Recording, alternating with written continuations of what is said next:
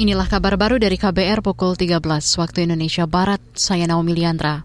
Wakil Presiden Ma'ruf Amin mengatakan pembentukan daerah otonomi baru DOB atau pemekaran wilayah dilakukan untuk mendekatkan pelayanan publik bagi kesejahteraan masyarakat di Papua. Wapres menyampaikan hal itu saat berkunjung ke Institut Pertambangan Nemangkawi IPN di Timika hari ini. Wapres juga mengapresiasi PT Freeport Indonesia yang sudah mendirikan IPN.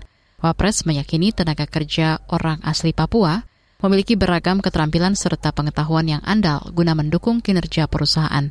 Ada 4 juta calon tenaga kerja yang dididik melalui IPN, dengan 3 juta di antaranya bekerja di PT Freeport Indonesia. Saudara kalangan parlemen mendesak pemerintah segera membuat aturan turunan dari Undang-Undang Kesehatan yang baru saja disahkan. Bekas Ketua Panitia Kerja RUU Kesehatan di DPR, Melkiades Lakalena, mengatakan aturan turunan itu diharapkan mampu memperkuat komitmen pemerintah meningkatkan kualitas kesehatan masyarakat. Memang cukup banyak ada aturan yang harus dilakukan oleh pemerintah. Tadi juga saya sudah bicara juga sama Pak Menteri Kesehatan agar bisa dibuat percepatan undang-undang ini bisa mempunyai eh, baik itu PP dan juga peraturan-peraturan di bawahnya bisa dibuat sehingga nanti berbagai catatan ataupun kegelisahan dari banyak pihak terkait dengan bagaimana transisi atau peralihan dari undang-undang yang lama ke yang baru ini bisa kita selesaikan dengan cepat berbagai regulasi turunan.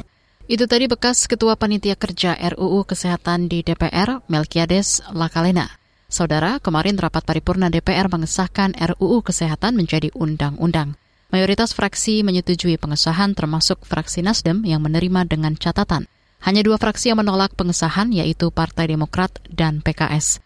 Penolakan juga datang dari kalangan organisasi profesi kesehatan. Dana Anak-anak Perserikatan Bangsa-Bangsa UNICEF mencatat ada hampir 15 persen puskesmas di Indonesia yang tidak memiliki akses sumber air yang layak.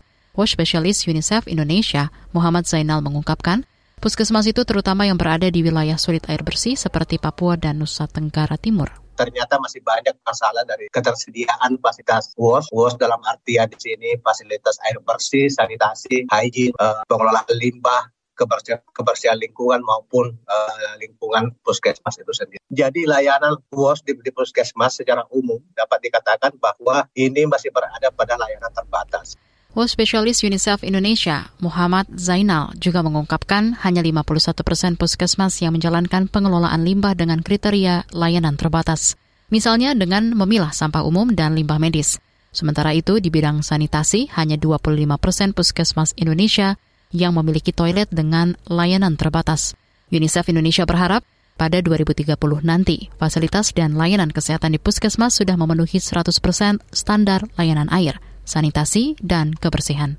Saudara, demikian kabar baru KBR, saya Naomi Liandra.